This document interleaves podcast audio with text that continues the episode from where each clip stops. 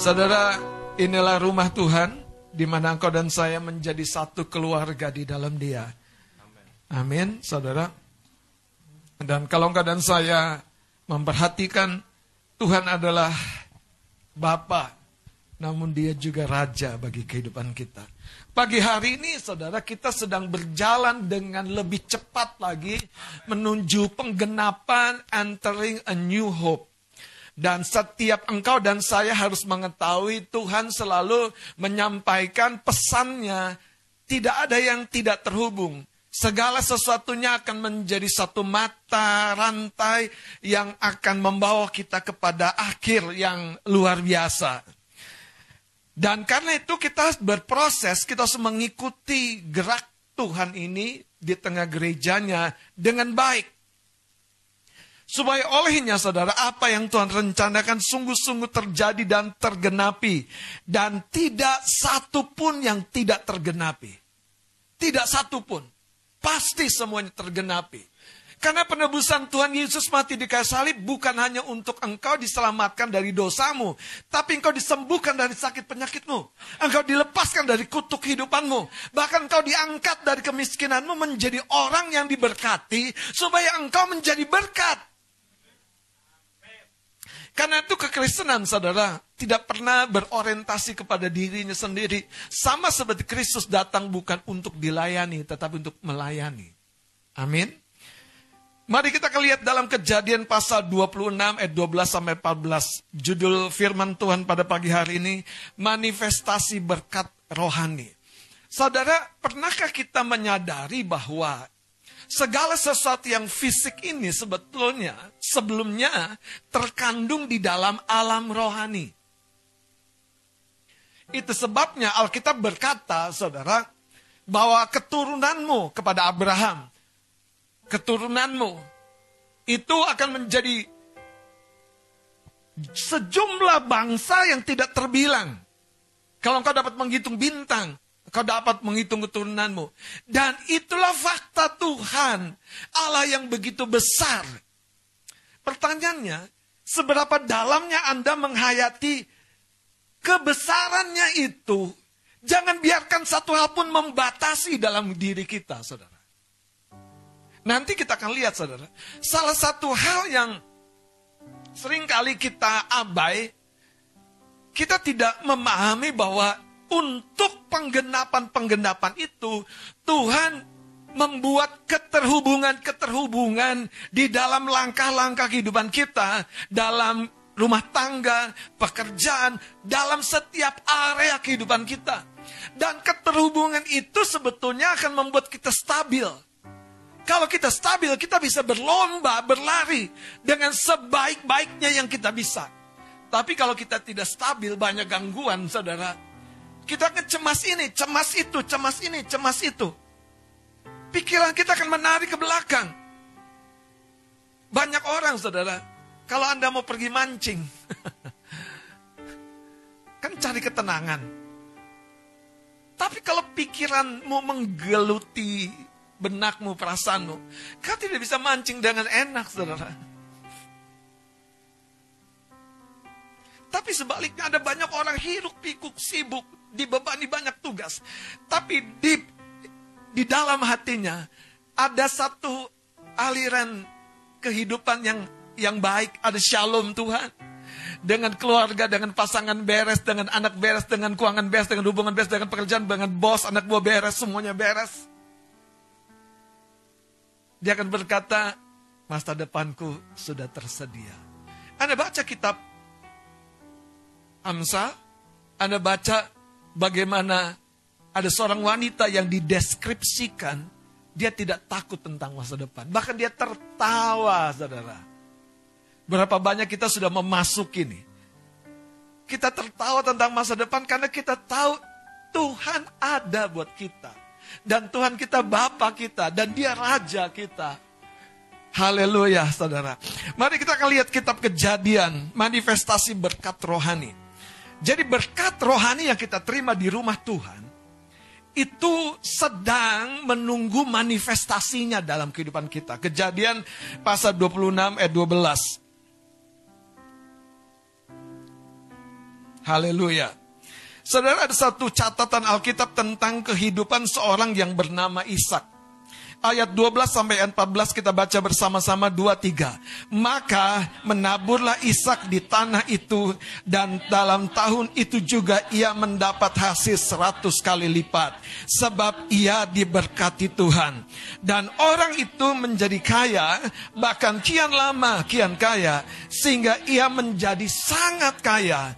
Ia mempunyai kumpulan kambing domba dan lembu sapi serta banyak anak buah sehingga orang Filistin itu cemburu kepadanya. Kalau Anda membaca pada ayat 12 ini, persepsi yang sudah terbentuk dalam diri kita itu sering kali akan mengaburkan makna ayat ini sepenuhnya. Saya terangkan begini.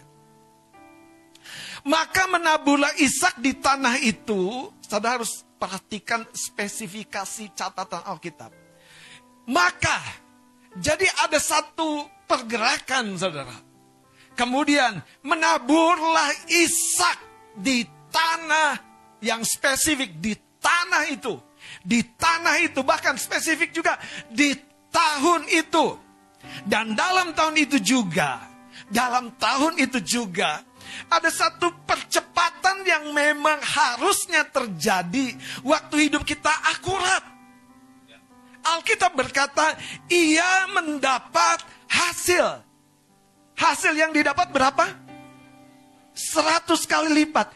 Ini menandakan dan setiap benih yang ditabur tidak ada yang gagal, tidak ada yang fail. Tidak ada yang berantakan, tidak mendatangkan buah. 100 kali lipat. Nah, catatan ayat 12-nya ini yang saya tadi katakan. Kadang-kadang persepsi yang sudah terbentuk itu membuat kita tidak memahami sepenuhnya. Oke, saya mau ngobrol sama Bapak Ibu Saudara. Ishak diberkati dan dia mendapat hasil 100 kali lipat, betul? Jadi dia mendapat hasil 100 kali lipat karena dia diberkati. Berarti kalau dia belum mendapat hasil 100 kali lipat, dia belum Oke. Kok senyum berarti enggak gitu juga ya. Banyak orang berpikir berkat itu hanya berupa ekspresi lahiriah. Anda dapat untung. Anda bisnis, usaha, pekerjaan berhasil. Sementara sebetulnya yang lahiriah itu dikandung dari yang rohani. Artinya sebelum Ishak menabur, Ishak diberkati nggak? Lantas catatan Tuhan, karena Ishak diberkati, dia mendapat hasil selalu sekali lipat. Apa maknanya? Maknanya adalah berkat di dalam hidupmu menunggu kau melangkah. Memanifestasikan yang sudah ada. Banyak orang disabotase setan di langkah-langkahnya ini. Setan tidak pernah bisa mensabotase berkat Tuhan. Tapi setan bisa mensabotase hubunganmu. Bisa, sangat bisa. Kenapa? Karena faktor jiwa kita, saudara. Maka Yesus selalu mengajarkan hal yang paling prinsip tentang pengampunan. Tentang damai sejahtera. Tentang mengasihi dan kalau kita tahu, saudara, bagaimana Yesus ditolak oleh muridnya sendiri, yaitu Petrus. Tapi at the end, setelah semua proses yang tidak mungkin diputar balik, untuk baik kembali, Yesus bisa membuat baik kembali. Amin gak? Yesus bisa membuat baik kembali. Bahkan Petrus yang kalau kita bilang Tuhan, kenapa engkau pilih Orang yang jenisnya kacau seperti itu jadi soko guru, tiang penopang, atau teladan di rumah Tuhan gereja. Sekali lagi saya mau cerita hal-hal yang kecil.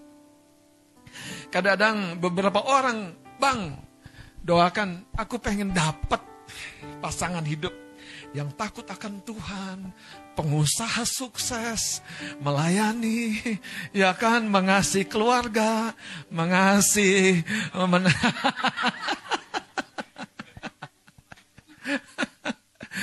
yang rajin menabung, punya investasi gimana? Oke nggak tuh? Dan saya mau kasih saudara, kasih tahu saudara. Itu bukan mimpi yang salah loh. Tetapi bagaimana apa yang kita rindukan itu termanifestasi. Ini masalahnya. Ini ini apa namanya gapnya. Anda harus tahu Ishak itu tidak sembarangan menabur dan mendapat hasil seratus kali lipat. Sekali lagi, tidak sembarangan menembak anak orang.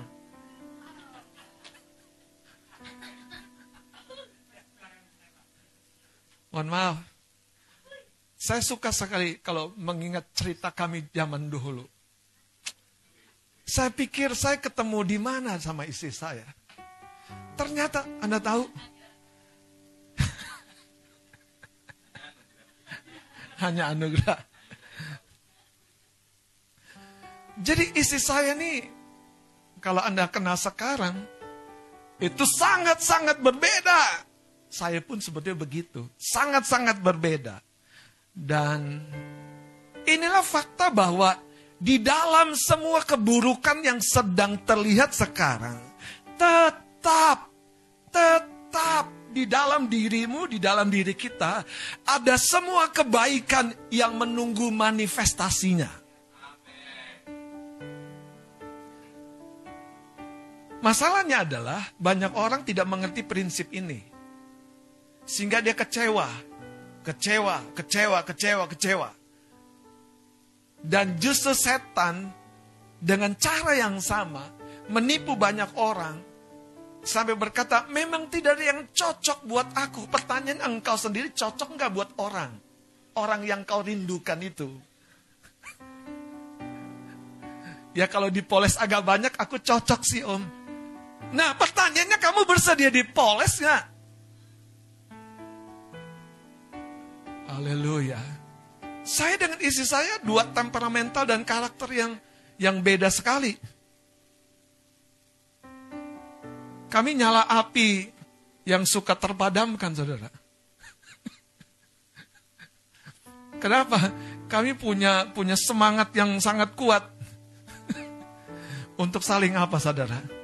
Saling menang. Tapi justru di situlah kami lihat, saudara. Waktu orientasi kami bukan diri kami, yaitu Kristus. Kami diubah. Kami dibentuk. Kami diberkati dalam hubungan. Kami ditolong Tuhan. Saudara, pernahkah kau sadari bahwa buah roh itu adalah manifestasi? Kasih sukacita, damai sejahtera, kebaikan, kelemah lembutan, kemurahan, kesetiaan, penguasaan diri. Itu manifestasi artinya sudah ada di dalam diri kita. Tapi bagaimana itu bisa manifest? Bisa menyatakan buah Karena itu saya percaya, saudara. Kalau kita ketemu orang yang jenisnya bahkan dalam tanda kutip, wah ini nggak cocok banget buat gue. Masih ngerokok. Wah malam minggu bukan siap-siap ibadah. Kayak gue kan, gue kan kudus. Nggak boleh berdosa. Besok pelayanan. Ini bang, mana mungkin dia jadi teman jodohku nggak mungkin. Rokok, hang up. Aduh semuanya yang gelap-gelap. Saya mau kasih tahu saudara. Dari gelap akan terbit terang.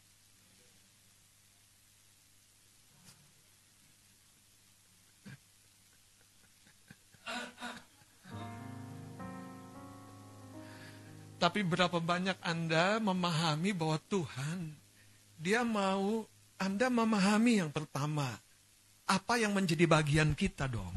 Yang kedua, kita harus lakukan Nah ini masalahnya saudara, setan berusaha mengacaukan perasaanmu, sehingga kau akan mudah tidak stabil di hubungan. Saya kasih tahu tentang hubungan ini. Karena kalau kalau kalau Anda belajar dari yang satu ini aja, saudara akan ketemu banyak hal yang besar sekali. Mari kita lihat saudara. Menarik sekali. Kita mundur dulu, mundur dulu. Dari ayat yang pertama. Tolong ditahan jamnya ya.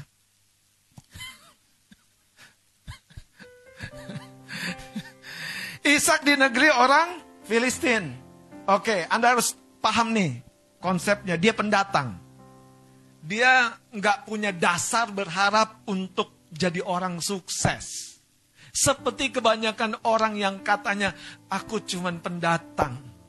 Bagaimana mungkin aku punya rumah? Oh Ishak bukan hanya punya rumah. Haleluya. Dan berapa banyak anak-anak Tuhan mendegradasi dirinya sendiri. Dan dimulai ketika dia tidak melihat dirinya dalam sebuah cermin yang utuh. Kenapa? Cerminmu keluargamu. Aku bang mana mungkin punya kehidupan diberkati. Ya cerminanmu keluargamu. Keluargamu secara fisik iya. Tapi ada satu kelahiran yang baru ketika engkau lahir di dalam keluarga Allah, kau dilahirkan baru, kau membawa DNA dan semua hal yang terbaik yang menunggu manifestasinya.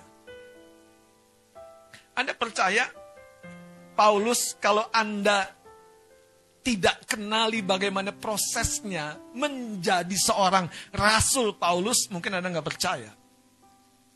Kenapa? Dia sendiri yang berkata, aku yang paling jahat. Aku menganiaya jemaat. Kata menganiaya ini beneran, saudara. Bukan membuli sekedar membuli, bukan. Paulus itu setuju, saudara Stefanus, Stefanus mati, mati dilempari batu. Dan gak ada belas kasihan. Tapi kenapa dari orang yang paling gelap, paling kacau ini, jadi seorang rasul Tuhan yang dipakai Tuhan. Anda tahu Maria Magdalena? Makanya kalau Anda belajar Alkitab, Anda akan terju, terkejut. Anda tahu siapa Rahab? Pelacur. Pelacur. Tapi dipakai Tuhan. Karena itu saudara, kalau kita melihat sisi yang fisik ini, Anda harus tahu ada sesuatu yang lebih besar yang yang ada di dalam di area rohani Anda, batin Anda. Kalau Anda simak doa malam kemarin, Kenapa banyak orang miss dalam hidupnya? Karena dia nggak sadar. Nggak sadar itu begini, saya terangkan saudara. Nuranimu pernah ngomong nggak? Eh jangan terlambat dong hari ini, kan kau tugas. Terus siapa yang ngomong? Di dalam manusia batin. Tapi engkau bisa reject gak? Bisa. Tapi kalau engkau iakan, benar, iya, Aku nggak boleh tenang. Itu namanya sadar. Sadar itu artinya pikiran sadar kita nyatu dengan pikiran bawah sadar kita di nurani kita. Itu kenapa orang bukan Kristen pun bisa hidup benar. Nggak membunuh, nggak mencuri. Hidupnya selaras. Kenapa? Karena di nurani ini Tuhan pencipta memang menaruh unsur yang sejati dalam dirinya untuk mengarahkan. Anda tahu siapa? Salah satunya di Alkitab, hidup berkenan, benar di hadapan Tuhan. Henoh, tidak bercacat celah. Sampai nggak mati diangkat Tuhan. Henoh, nggak belajar Alkitab, saudara. Gak ada tempat kebaktian. Gak ada tempat curhat zaman itu. Haleluya. Mau lihat mesos siapa yang memberikan kekuatan rohani? Lihat mesos siapa? Bang doain aku. Nggak ada saudara. Saya nggak tahu nggak ada catatan istrinya Heno. Nggak ada. Tapi Heno tetap menjadi satu orang yang mencerminkan bahwa di dalam diri manusia zaman purba kala sekalipun selalu saudara ada semua yang terbaik yang tunggu dimanifestasikan. Lihat ayat ini, ayat yang pertama, saudara. Dikatakan timbullah kelaparan di negeri itu, itu bukan kelaparan yang pertama yang telah terjadi pada zaman Abraham. Sebab itu Ishak pergi ke Gerar kepada Abimelech, raja orang Filistin. Ayat 2. Lalu Tuhan menampakkan diri kepadanya serta berfirman. Saudara, kalau Tuhan ngomong, Tuhan kasih nubuat, Tuhan kasih pesan Tuhan, perhatikan dan belajar menyimak spesifik info di dalamnya. Janganlah pergi ke Mesir jadi sepertinya Ishak melihat Mesir itu sebagai jalan keluar. Diamlah di negeri yang akan kukatakan kepadamu. Tinggallah di negeri ini sebagai orang asing.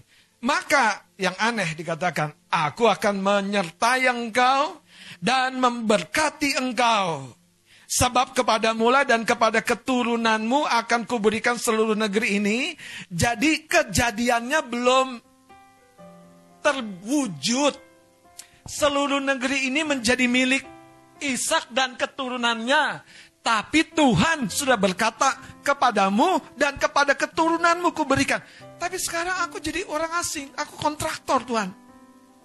Jangan sedih dong jadi kontraktor. Sama kan kita kan? Tapi saudara saya mau kasih tahu. Semua itu menunggu kita. Katakan sesuatu yang di alam rohani ini, di alam surgawi ini. Katakan sesuatu yang di alam rohani ini. Menunggu kita. Saya lanjutkan saudara. Ayat 3. Dikatakan kepada mula dan kepada keturunanmu akan kuberikan seluruh seluruh negeri ini. Nggak tanggung-tanggung. Dan aku akan apa? Menepati sumpah yang telah kuikrarkan kepada Abraham ayahmu. Terus aku akan membuat banyak keturunanmu seperti bintang di langit. Aku akan memberikan kepada keturunanmu seluruh negeri ini. Nah ini daftar berkat yang heran sekali diperkatakan kepada Isa yang sebetulnya generasi kedua. Abraham pertama, Ishak. Nah, ayat 6-nya, ayat 6-nya. Jadi tinggallah Ishak di Gerar. Ketika orang-orang di tempat itu bertanya kepada tentang istrinya, berkatalah dia. Saudara simak ya. Dia saudaraku, sebab ia takut punya istri cantik kok takut. Karena waktu itu nggak ada hukum saudara yang ngatur. Jadi ngeri sekali jadi pendatang. Lihat, perhatikan. Karena pikirnya, jangan-jangan aku dibunuh oleh penduduk tempat ini karena Ribka sebab elok parasnya. Setelah beberapa lama ia ada di sana maka satu kali dan seterusnya. Saya mau tunjukkan saudara begini. Abimelech sebagai raja di Gerar melihat Ribka orang asing yang sangat cantik berniat untuk mengambil Ribka. Tapi Tuhan untuk hal seperti ini pun dia mengintervensi.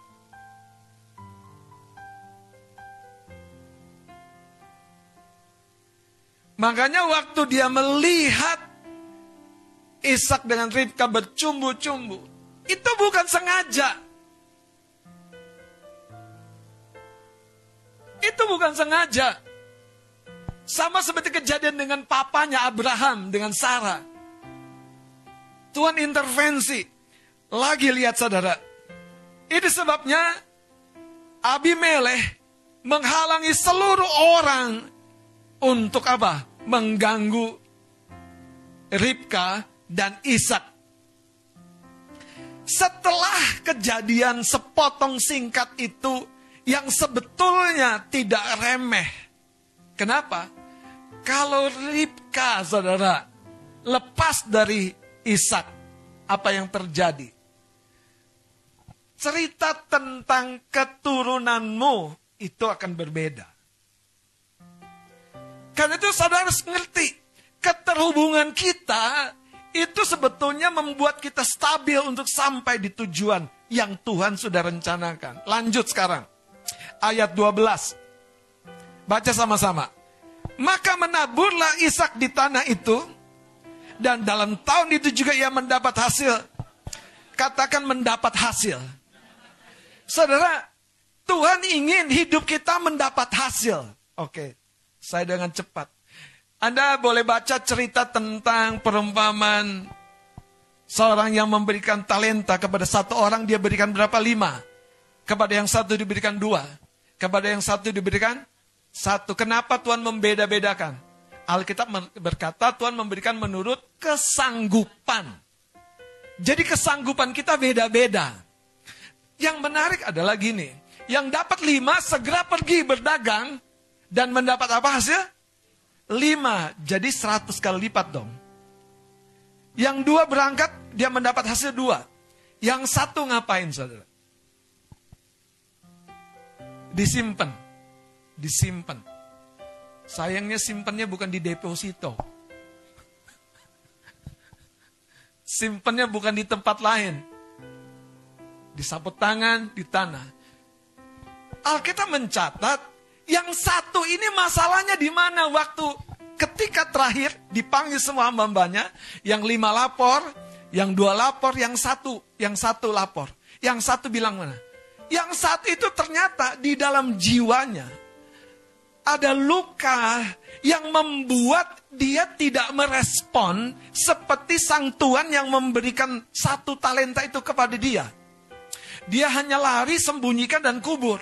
Ini yang membuat saudara berkat yang terbaik yang sudah Tuhan berikan dalam hidup kita tidak pernah akan termanifestasi ketika sesuatu di jiwa kita ini membelokkan map kita, membuat kita salah keputusan, salah jalan, salah timing, membuat kita mundur ke belakang, bahkan tidak jelas lagi kita mau ngapain sekarang tahun ini ngapain.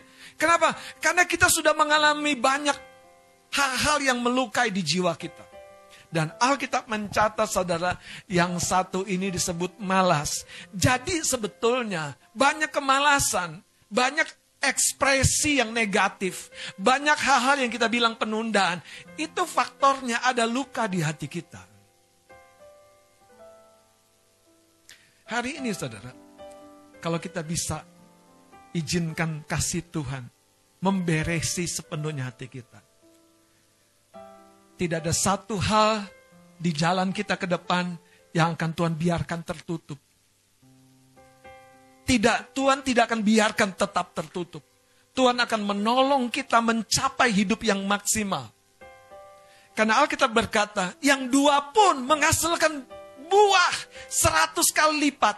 Artinya, dalam setiap potensi yang Tuhan berikan, ada kelipat gandaan. Kalau hari ini hidup kita belum ke mana-mana, jangan-jangan kita seperti satu hamba yang mengubur satu talenta itu. Bang, aku sih banyak talentaku. Aku kubur yang lima itu, bang.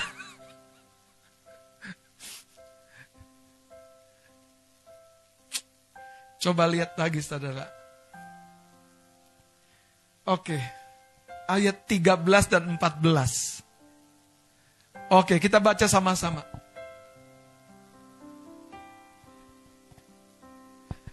Kita baca sama-sama ayat 13 dan 14, 23.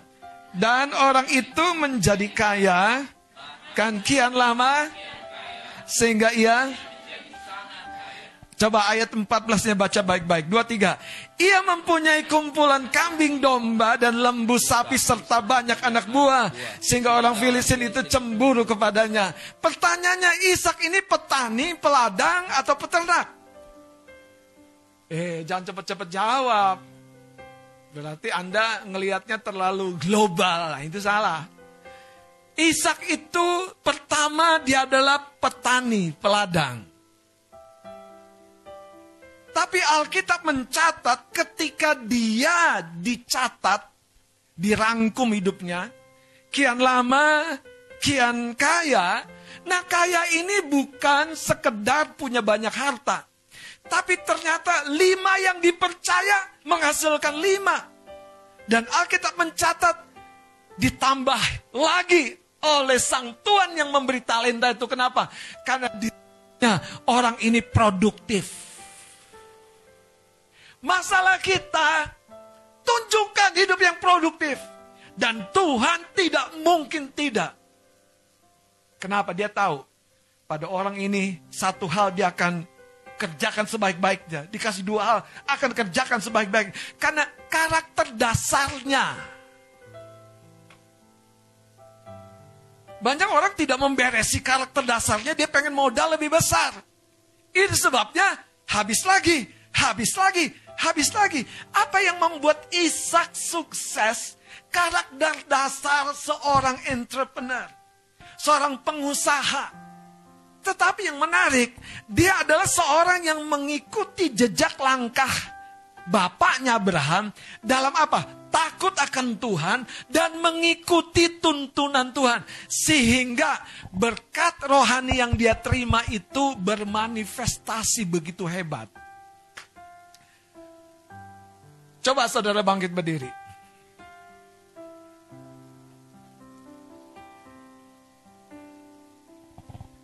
Anda tebak dulu berapa isi dompet Anda totalnya.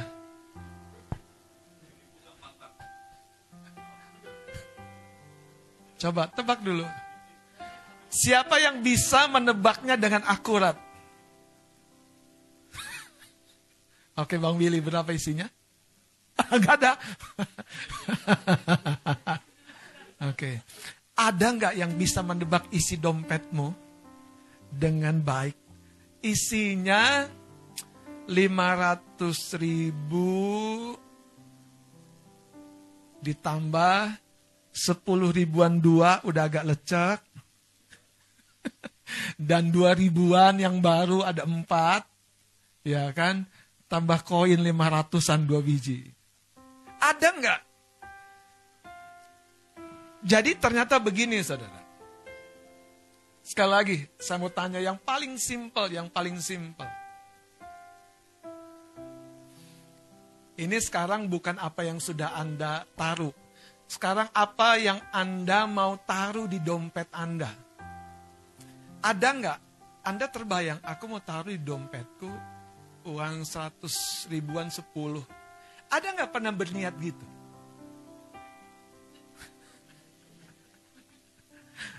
Pertanyaannya gini saudara, coba, coba. Saya sedang sedang pancing Anda gini. Karena banyak kita itu tidak seperti Ishak. Ishak itu ngerti saudara. Kalau aku tahun ini dapat hasil sel sekali lipat, aku bisa punya kumpulan kambing domba. Anda paham nggak kata kumpulan? Itu bukan kambing domba hiasan main-mainan anak kita di pekarangan. Bukan, ini kumpulan kumpulan. Dan bagaimana caranya seorang peladang, petani, bisa punya kumpulan kambing domba. Anda belum baca apa? Sapi kan? Ada sapi? Benar ya? Yakin ya? Lembu. Terus Anda baca nggak? Apa yang terjadi di dalam cerita tuh?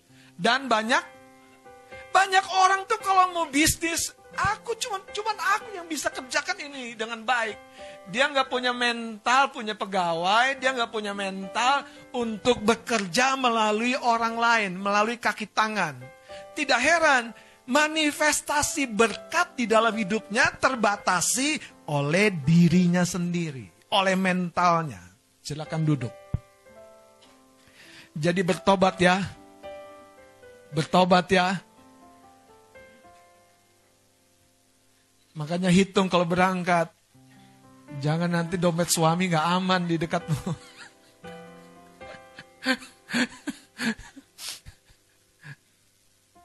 Jangan nanti ke pom bensin titip KTP.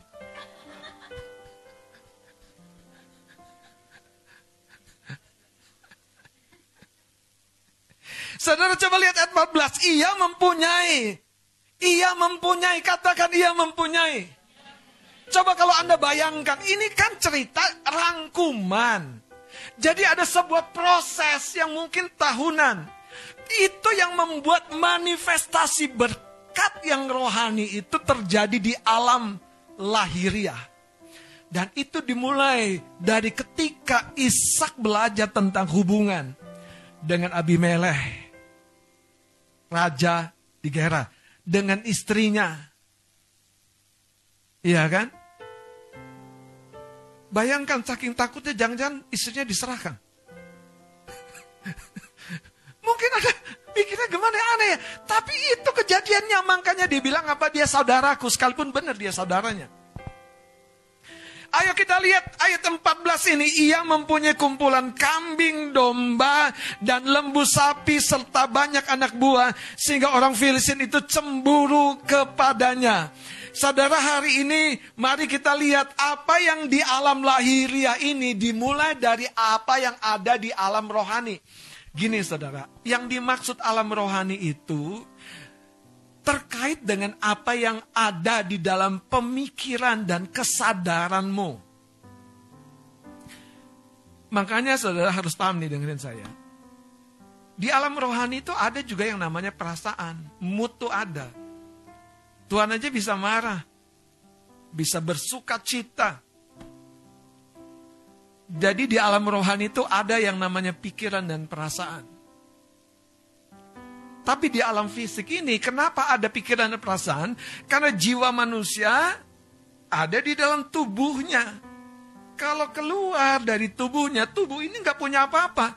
Kalau engkau sakit, siapa yang ngasih tahu tubuhmu sakit? Dokter. Anda bersin nih.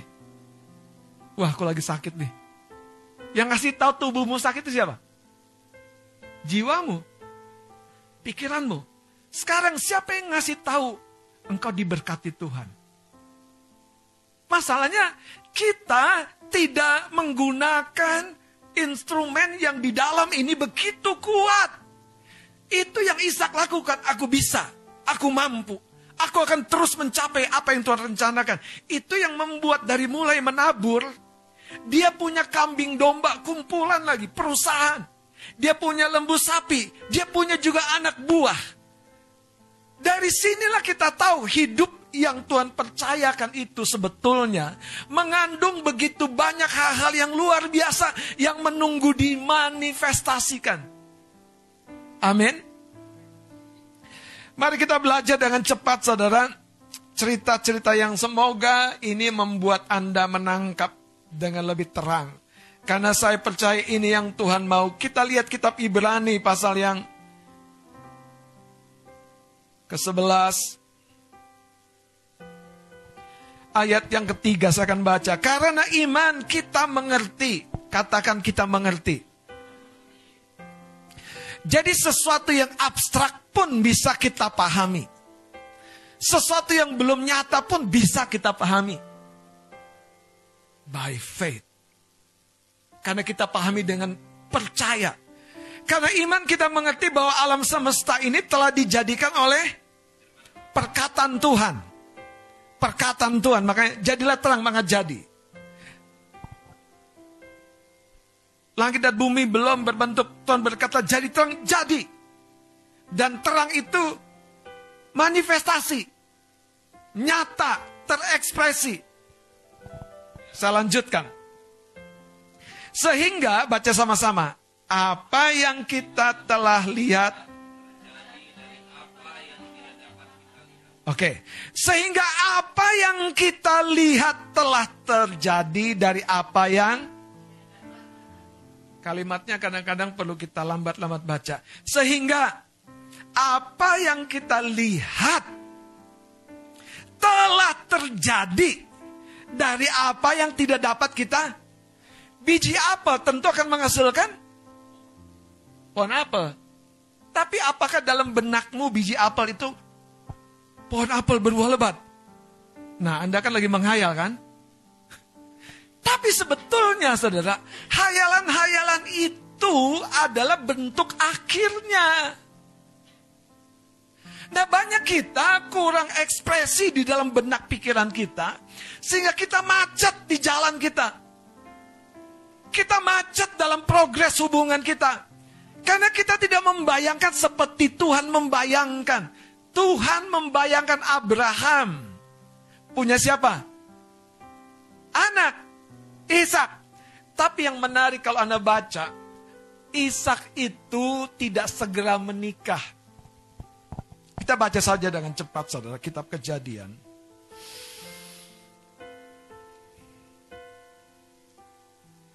Karena ada sesuatu yang menarik sekali yang perlu kita pahami.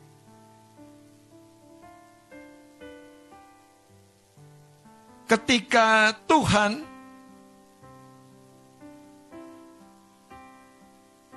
kita buka kejadian pasal 24.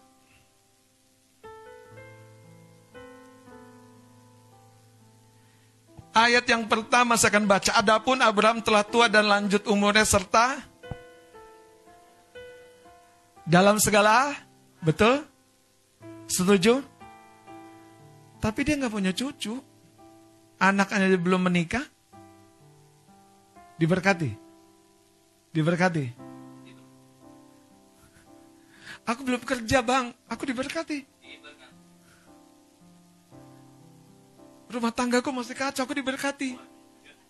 Nah, itu menunggu manifestasi tuh. Aku rugi terus susah bang, aku diberkati. Makanya siapa yang kasih tahu pikiranmu, situasi, keadaan, itu yang membuat Petrus tenggelam. Yang kasih tahu pikiran dan perasaanmu harusnya firman, janji Allah. Sehingga pikiranmu, langkahmu nggak tenggelam. Tuhan segitu sederhananya ya. Kalau engkau itu Tuhan, suruh aku menghapirmu dia berjalan das air. Tuhan bilang apa? Datanglah. Dan Petrus melangkah keluar dari perahu itu dan berjalan. Tapi sayangnya, di perjalanan menuju Yesus itu, Petrus tergoda oleh apa? Situasi dan kondisi tepuk bahu kanan kirimu, hati-hati dengan situasi dan kondisi.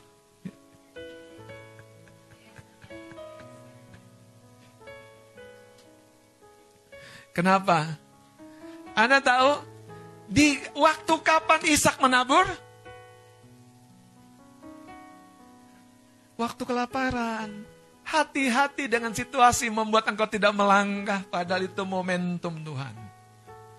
Hati-hati dengan situasi sehingga engkau malah di rumah saja. Bukan menuju di mana tempat engkau disegarkan, diisi kembali oleh Tuhan. Hati-hati dengan situasi, saudara. Kalau segala sesuatu sepertinya tidak mendukungmu, bukan berarti tidak mendukungmu. Mari kita lihat cerita ini, saudara. Abraham diberkati dalam segala hal. Namun satu hal belum terjadi. Yaitu apa? Dia belum punya mantu Ayat 2 saya akan baca dengan cepat. Berkatalah Abraham kepada hambanya yang paling tua dalam rumahnya. Yang menjadi kuasa atas segala kepunyaannya. Baiklah letakkan tanganmu di bawah pangkal pahaku. Supaya aku mengambil sumpahmu demi Tuhan Allah yang punya langit dan yang punya bumi.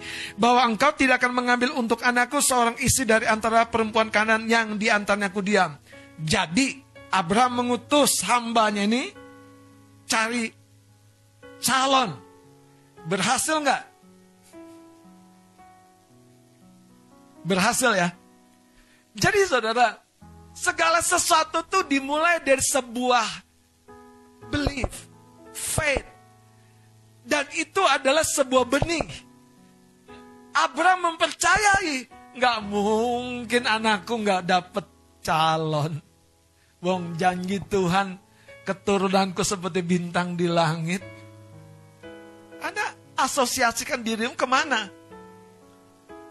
Ke mana?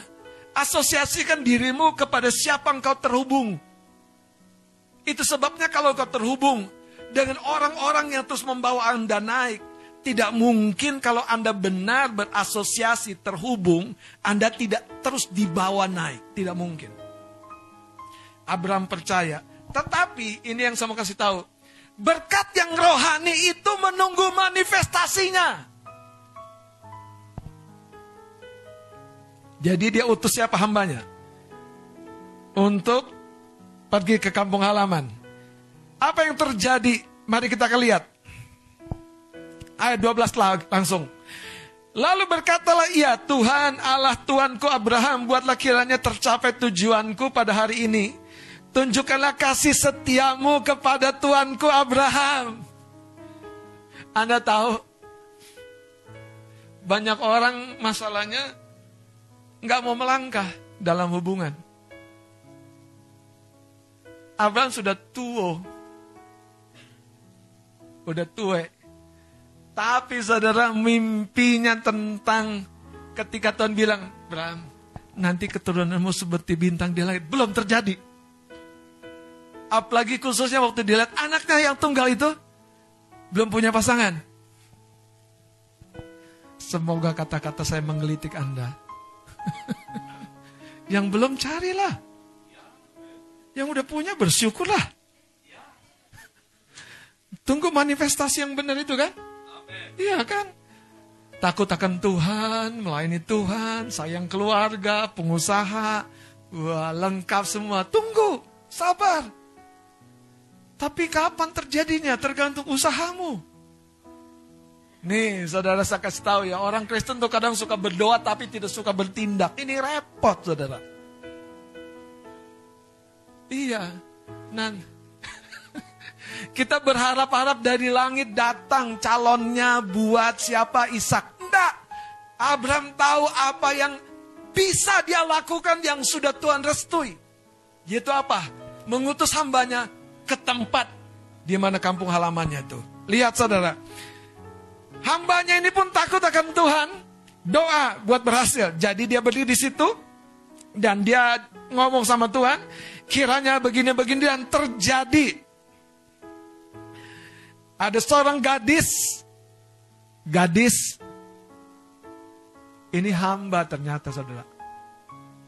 Ternyata Ishak pangeran menikah sama hamba. Siapa Rikma? Anda harus tahu. Gembala. Mungkin agak hitam parasnya.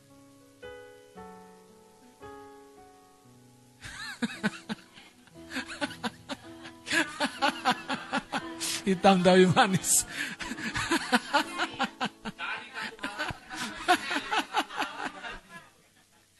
Kalau hitam dikasih skin care kan bisa ah, misalnya susah.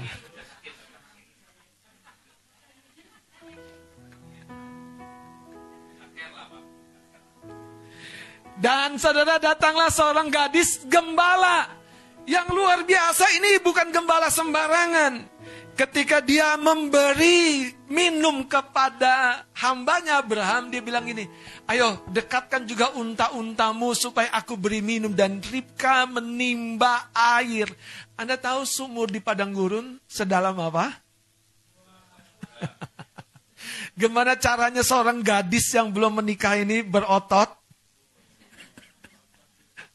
Bisa timba air untuk minum onta. Anda tahu berapa galon onta minumnya? Dan semua unta-untanya hambanya uh, si si Ishak uh, ham, unta hambanya Abraham ini dikasih minum semuanya. Anda tahu siapa Ribka? Seorang pejuang, seorang pekerja keras, seorang yang teguh, tapi seorang yang cantik. Tapi tidak memble. Anda harus tahu jenisnya itu kan ajaib. Dan kalau kita lihat cerita ini saudara. Dikasih minum semuanya. Sampai puas. Dan itu justru sebuah penggenapan daripada doa hambanya Abraham. Terjadi, saudara, terjadi. Pertanyaan saya, Ribka kan belum kenal siapa calonnya. Jadi mau dijodohin, mau ketemu di mana, ketemu di kafe ketemu di gereja, mau ketemu di lapangan bola, ketemu di pasar, izinkan dia berproses dan hidupmu berproses, amin. Saya sering bilang saudara intan itu tidak akan terjual mahal kalau dia tidak dibentuk, diolah, diasah. Ribka, seorang gadis idaman yang Jauh di sana tidak Ishak lihat, tapi ada. Tapi ada. Kasih tahu kepada pikiranmu ada.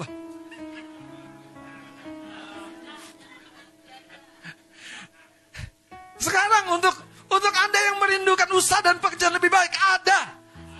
Posisi lebih baik ada. Tapi tadi saya bilang, Anda boleh mengerti nggak yang Anda rindukan itu apa? Coba bayangkan isi dompetmu aja, kau nggak bisa bayangkan tuh menurut saya. Kira latihan.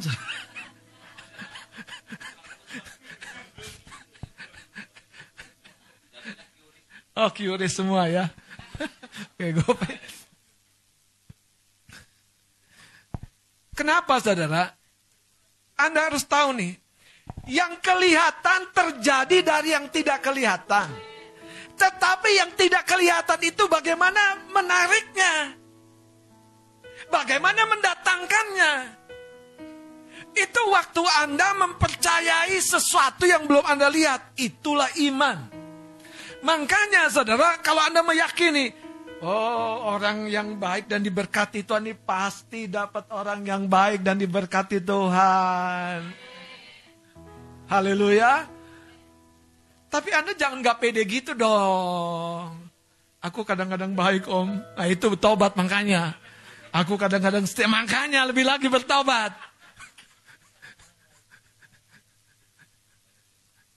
Haleluya. Saya percaya, saudara. Saya punya benih di dalam diri saya yang sedang Tuhan mau manifestasikan. Keajaiban, mujizat akan terjadi. Punya mantu, pasti.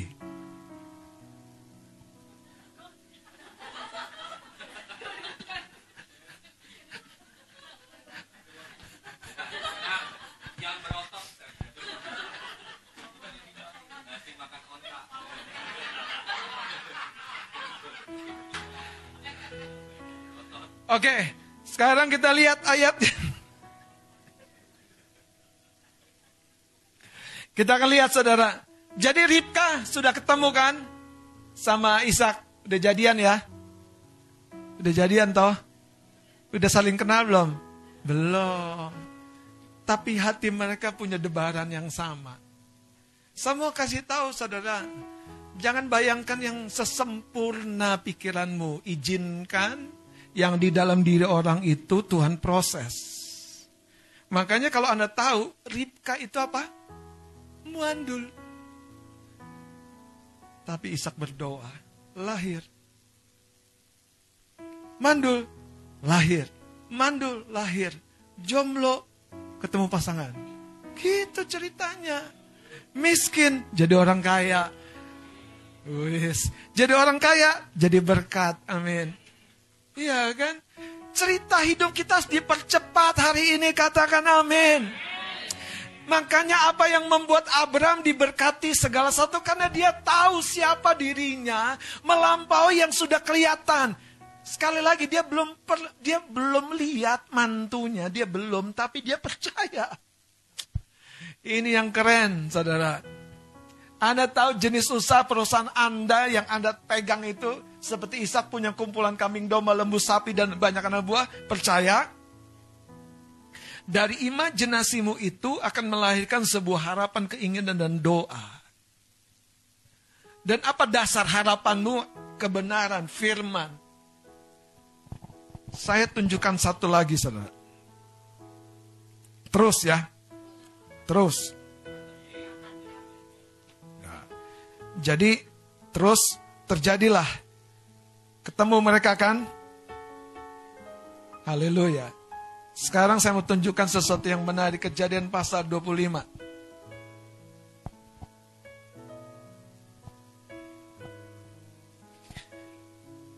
Ini kan anaknya Ishak sudah ketemu pasangan hidupnya.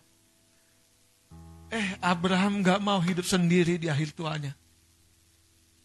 Coba baca cerita ini. Abraham mengambil pula seorang isi namanya. Kalau Anda baca dengan baik, keturah ini diambil setelah Ishak dinikahkan. Dan yang luar biasa dari cerita ini adalah, aduh sayang panjang jadinya gini. Ishak itu belum juga segera mencari jodoh karena dia terlalu sayang sama mamanya Sarah. Anda baca deh cerita itu. Dan itu yang membuat hati yang berduka itu terus jadi dingin. Jadi dingin. Dingin kepada hubungan. Itu yang membuat Abraham lihat ini nggak beres nih. Ini harus diprovokasi nih. Betul, saudara harus tahu, harus tahu cerita ini. Ishak itu berduka karena dia begitu sayang dengan mamanya. Dan ketika Abraham melalui hambanya membawa Ribka dan jadi pasangan hidupnya, di situlah Ishak dihiburkan setelah kematian mamanya. Dan itu menandakan bahwa luka-luka di kecil hati kita itu yang membuat kita tidak progres, yang membuat kita tidak percaya bahwa berkat tentang pasangan hidup, berkat tentang rumah sendiri, rumah tinggal, berkat tentang usaha dan pekerjaan sudah ada. Tapi itu menunggu manifestasinya waktu jiwa kita ini bersih. Jiwa kita ini beres. Jiwa kita ini selaras dengan Tuhan. Alkitab mencatat setelah Ishak menikah dengan Ribka, Abraham pun saudara, lihat, ini yang saya mau tunjukkan. Abraham baca baik-baik, apa? Anda, Anda kalau kalimat Alkitab itu harusnya dibaca baik-baik. Abraham mengambil pula. Jadi ini adalah keputusan Abraham dalam kesadaran penuh. Setelah istrinya Sarah meninggal, setelah anaknya Ishak menikah, Alkitab mencatat begini saudara, Ishak itu menikah di usia 40 tahun. Jadi Abraham kira-kira 104 140 tahun. Betul? 140 tahun ya. Waktu dia mengambil pula. Gimana caranya ini dia bisa menarik dengan ketura ya? Nggak tahu bang. Makanya orang-orang yang punya keyakinan itu akan terpancar dari dirinya. Kalau Anda selalu bilang aku nggak diberkati Tuhan, orang-orang menjauh dari terpancar dari dirimu. Orang bilang hoki itu ekspresi, saudara. Lu hoki banget, emang. Lu diberkati, iya. Jangan Anda bilang sebaliknya, kadang-kadang ya terjadi, kadang-kadang. Coba lihat cerita ini saudara. Abraham mengambil pula seorang istri. Namanya Ketura. Nggak dicatat umurnya. Tapi saya tahu Abraham kira-kira 140 tahun. Perempuan itu baca dua. Melahirkan baginya. Terus? Gideon. Ya, yang orang Batak kayaknya bersuka cita banget. Zimran, Yoksan, Medan, Midian, Isbak, dan berapa orang? Berapa orang? Oke, coba kita membayangkan sedikit. Kira-kira apakah memungkinkan satu tahun satu? Kayaknya enggak banget ya. Kasihan banget di sisi ketura. Yang saya maksudkan begini saudara. Di tengah keterbatasan lahiriah Abraham, Janji itu terus bekerja, terus bekerja. Tetapi menunggu manifestasi dari diri Abraham. Kalau Abraham tidak mengambil ketura, kalau Ishak tidak menabur, tidak terjadi. Itu konklusinya yang saya mau kasih tahu. Banyak orang hanya menunggu, menunggu, menunggu. Tapi apa yang kau lakukan, saudara? Alkitab berkata, melalui Yesus Kristus, janji Abraham itu sudah menjadi milik kita. Tetapi oleh iman kita harus melangkah. Makanya saudara ketika Abraham mengambil pula catatan Alkitab menjelaskan keturunan Abraham tidak ada yang gugur. Tidak ada yang fail. Tuhan memberkati Abraham beranak cuculah. Jadi bagaimana anak cucu dihasilkan dalam kehidupan Abraham? tergantung Abraham. Waktu Abraham terus berduka seperti anaknya, nggak kejadian. Banyak orang kalau udah patah hati, aku selama-lamanya tidak akan kenal wanita. Weh, wanita pendusta.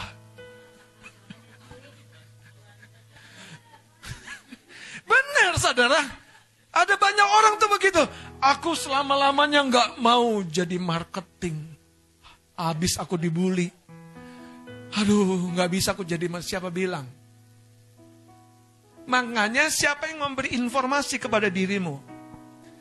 Mana ada yang mau sama aku, diriku aku aja nggak mau, ya itu salahmu.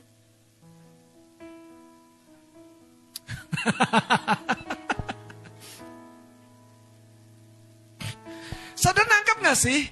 Abraham 140 tahun.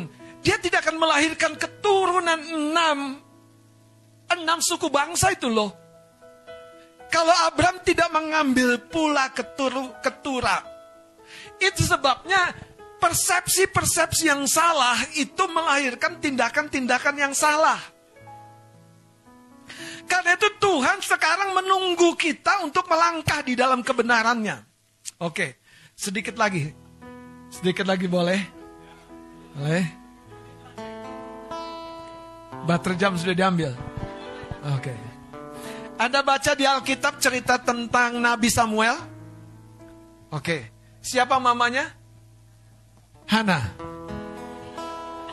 Kavoni. Oh iya, iya, iya. Oke, saya mau tanya dulu. Hana beruntung nggak? Nah, mulai mikir nih, gue demen nih. Banyak jemaat kadang-kadang khotbah melongo doang nggak mikir. Ayo, Hana diberkati nggak? Mikir dong, diberkati nggak? Yakin. Tapi dia mandul. Diberkati nggak? Benar. Kata siapa diberkati?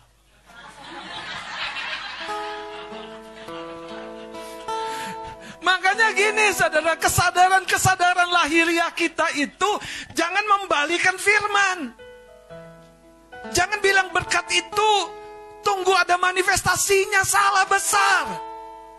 Berkat rohani justru menunggu manifestasinya ketika engkau tumbuh. Tumbuh.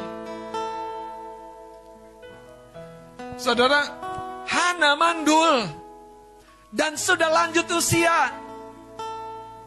Bang Billy baca. Hana itu pelayan Tuhan di gereja.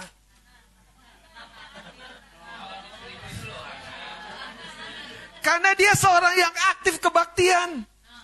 Eh, Elkana suaminya mungkin udah udah apa penat om. dia lihat ini istriku nggak mungkin, nggak mungkin, nggak mungkin, nggak mungkin. Anda jangan ini, sama kasih tahu dengan baik-baik. Sekalipun orang serumahmu tidak sevisi denganmu, jangan takut. Emang Elkana sevisi sama Hana? Enggak. Elkana bilang, Hana, udah ke, bukankah kamu bersyukur dapat suami ganteng kayak gini? Bukankah aku lebih berharga di 10 anak laki? Tapi Hana tidak menyerah. Jadi banyak orang tuh begitu, saudara dia tergantung sikon. Anda nggak pernah bilang, aku mau nabung. Bulan ini nggak ada jajan keluar, nggak ada nonton keluar, nggak ada happy happy. Aku mau nabung. Jalan dong. Jalan dong. Ayo jalan. Ayo. Banyak suami-suami kebobolan tuh begitu karena dia nggak punya visi.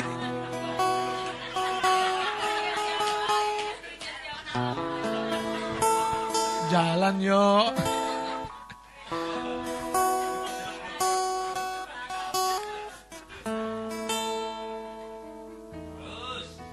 Terus ya, terus ya kita gasak nih, kita gasak ya, ya ludes. Makanya kalau dengar khotbah tuh mikir. Hana diberkati? Mana buktinya? Betul nggak? Mana buktinya? Kasihan dia setia sama Tuhan, setia sama suami. Suami lu aja nggak setia. Hana diberkati? Mikir kan? Kayaknya mulai lurus nih. Hana diberkati setuju ya? Tapi berkat itu menunggu manifestasi. Sekali lagi saya mau bahas satu dulu nih.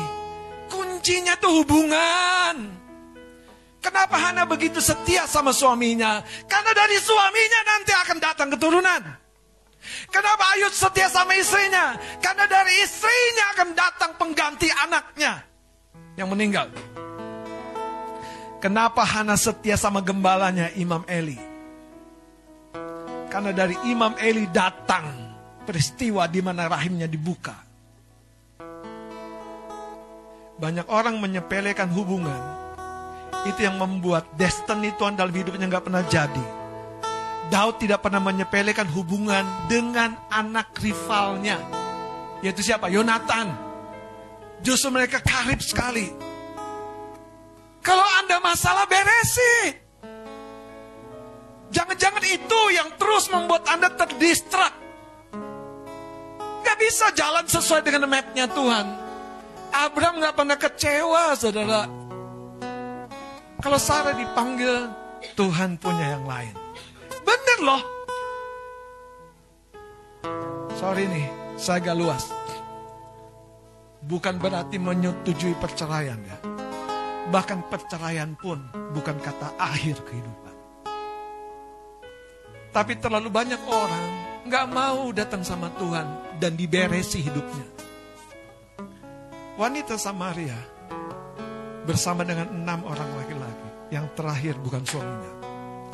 Tapi Tuhan masih bisa pulihkan. Hana, Elkana suaminya nikah dengan Penina, istri mudanya.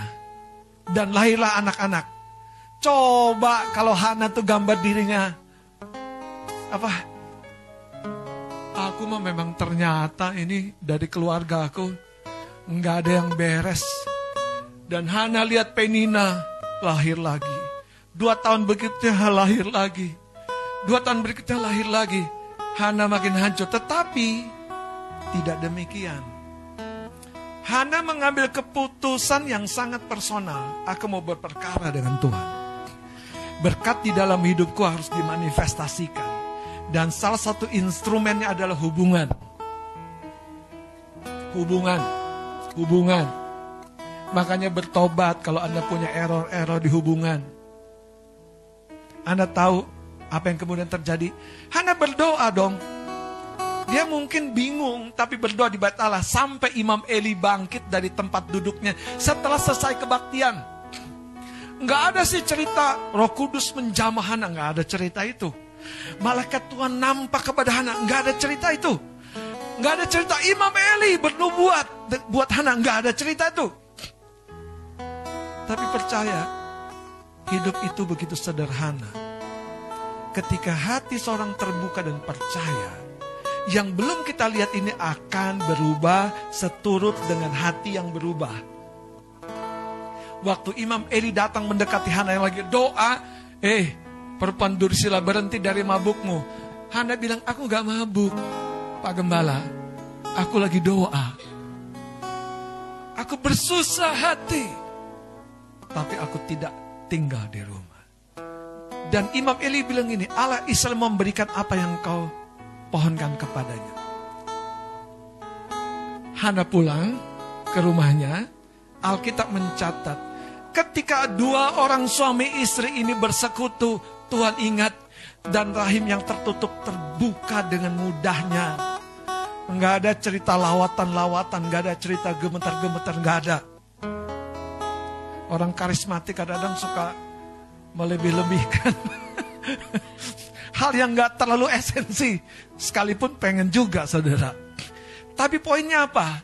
Hidup ini berakhir berhenti tergantung persepsimu tentang dirimu. Abraham enggak, enggak, enggak, enggak, enggak, enggak, enggak. Berkat keturunan seperti bintang laut, pasir di laut. Yang menarik, biarlah seperti bintang dari Isa. Dalam benak saya nih, bukan benak Abraham. Biarlah seperti pasir di laut dari keturah. Itu unik sekali saudara. Terjadi. Yang terakhir. Waktu Hana membatin tentang doanya. Dan Tuhan jawab.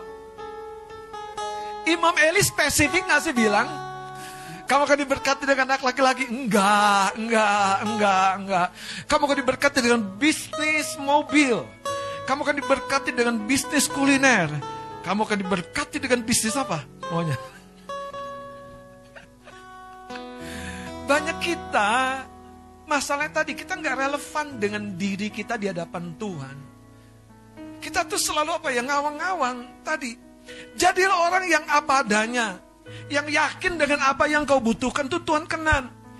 Dan berkatnya sudah ada, tunggu dimanifestasikan. Belum selesai. Hana melahirkan Samuel setelah mengandung.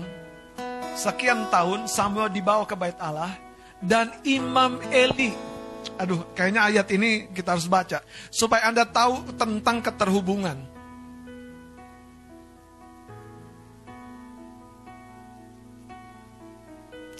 Satu Samuel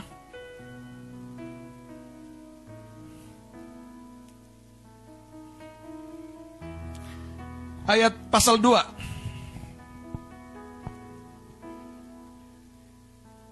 pasal 2. 1 sampai 2 ayat 20. Lalu Eli memberkati Elkana dan istrinya katanya, Tuhan kiranya memberikan keturunan kepadamu dari perempuan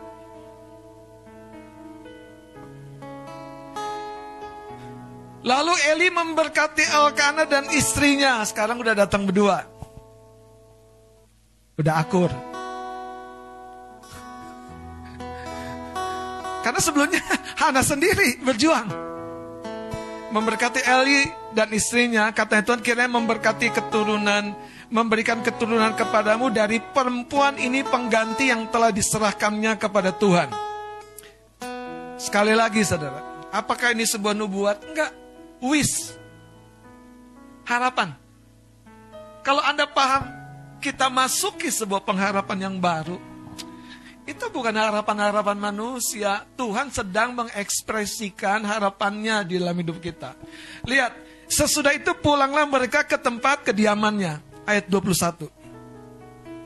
Dan Tuhan mengindahkan Hana sehingga ia mengandung dan melahirkan. Baca Alkitab benar dong coba mengandung dan melahirkan? Jadi tiga-tiganya sekali lahir. Itu maksud saya, saudara. Anda paham gak baca Alkitab? Dan ia mengandung dan melahirkan tiga anak laki-laki dan dua anak perempuan. Jadi tiga anak laki-laki, dua anak perempuan dilahirkan. Tentu saudara kira-kira tidak dalam tahun yang sama. Artinya, saya mau kasih tahu saudara. Ternyata di dalam pribadi Hana yang mandul, yang sepertinya tidak akan mungkin jadi seorang ibu dari sebuah keluarga besar, cerita berbalik drastis. Elkana ketiban berkat, dari Penina banyak, dari Hana banyak. Tapi begini saudara, aku maunya seperti Elkana nggak bisa. Anda mungkin yang terima satu, anda mungkin yang terima dua, Anda mungkin yang terima lima talenta. It's okay. Tuhan ngerti. Makanya sederhananya Anda harus ikuti aja prosesnya. Abraham tidak lirik-lirik yang lain sampai tua menjelang 100 tahun. Sarah. Tapi Tuhan punya janji belum selesai. Sarah berangkat 140 tahun usia Abraham. Dia menikah lagi dengan keturah setelah istrinya meninggal. Cerita ini menggambarkan apa saudara? Berkat-berkat rohani ini akan terus mengambang sampai Anda mengerti memanifestasikannya di dalam hidupmu. Kita kembali kepada ayat uh, kejadian. Kejadian 26 ayat 12. Mari kita bangkit berdiri. Kejadian 26 ayat 12 maka menaburlah Ishak di tanah itu.